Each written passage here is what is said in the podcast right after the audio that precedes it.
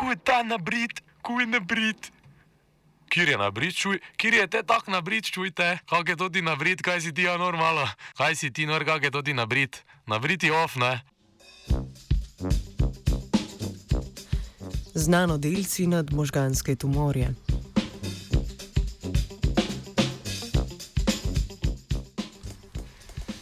Za rakastimi obolenji vsako leto na svetu umre približno 9 milijonov ljudi.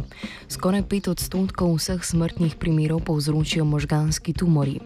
Zato so nova medicinska dognanja na področju boja proti tem trdovratnim bolizenskim stanjem vedno več kot dobrodošla.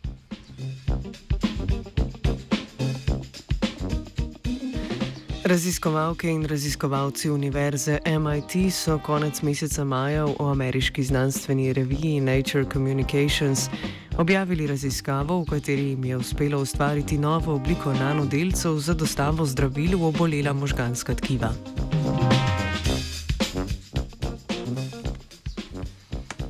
Uporabljeni nanodelci so zasnovani tako, da lahko z lahkoto prečkajo krvno možgansko pregrado in se vežejo direktno na tumorske celice. V delce sta integrirani, integrirani dve različni zdravili.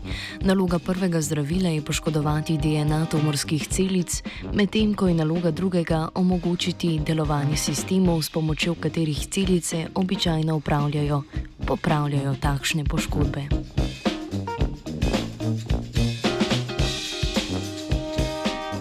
Raziskovalna ekipa je ugotovila, da lahko nanodelci, če jih obdajo s proteinom transferinom, brez večjih težav prehajajo skozi krvno-možgansko pregrado. Transferin se na to veže na proteine, ki se nahajajo na površju tumorskih celic. To dopušča akumulacijo nanodelcev na obolelih področjih, medtem ko se zdravim celicam izogibajo.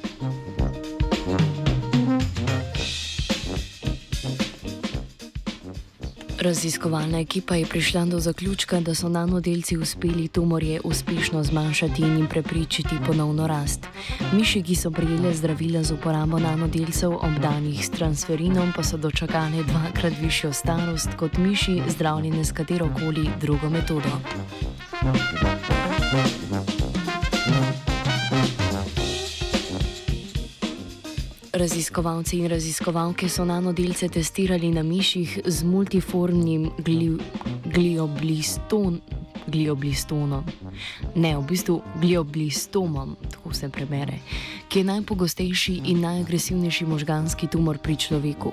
Ko so delci prispeli do tumorja, se je njihova zunanja plast razgradila in sprostila prvo učinkovino, bromodomain, čez 24 ur pa se je iz delcev sprostilo še drugo zdravilo, temozolomit.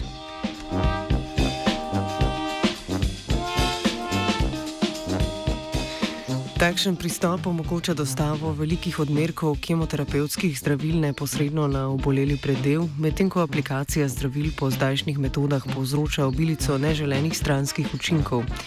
Tekom eksperimenta so ugotovili, da so živali zdravljene z nanodelci utrpele bistveno manj poškodb zdravega tkiva in krvnih celic, ki jih ponavadi poškoduje zdravilo temozolomid.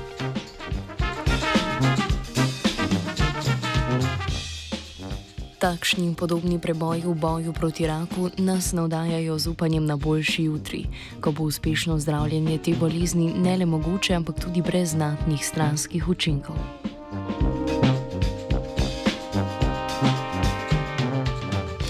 Z vami se je nad novimi tehnologijami navduševal Marko.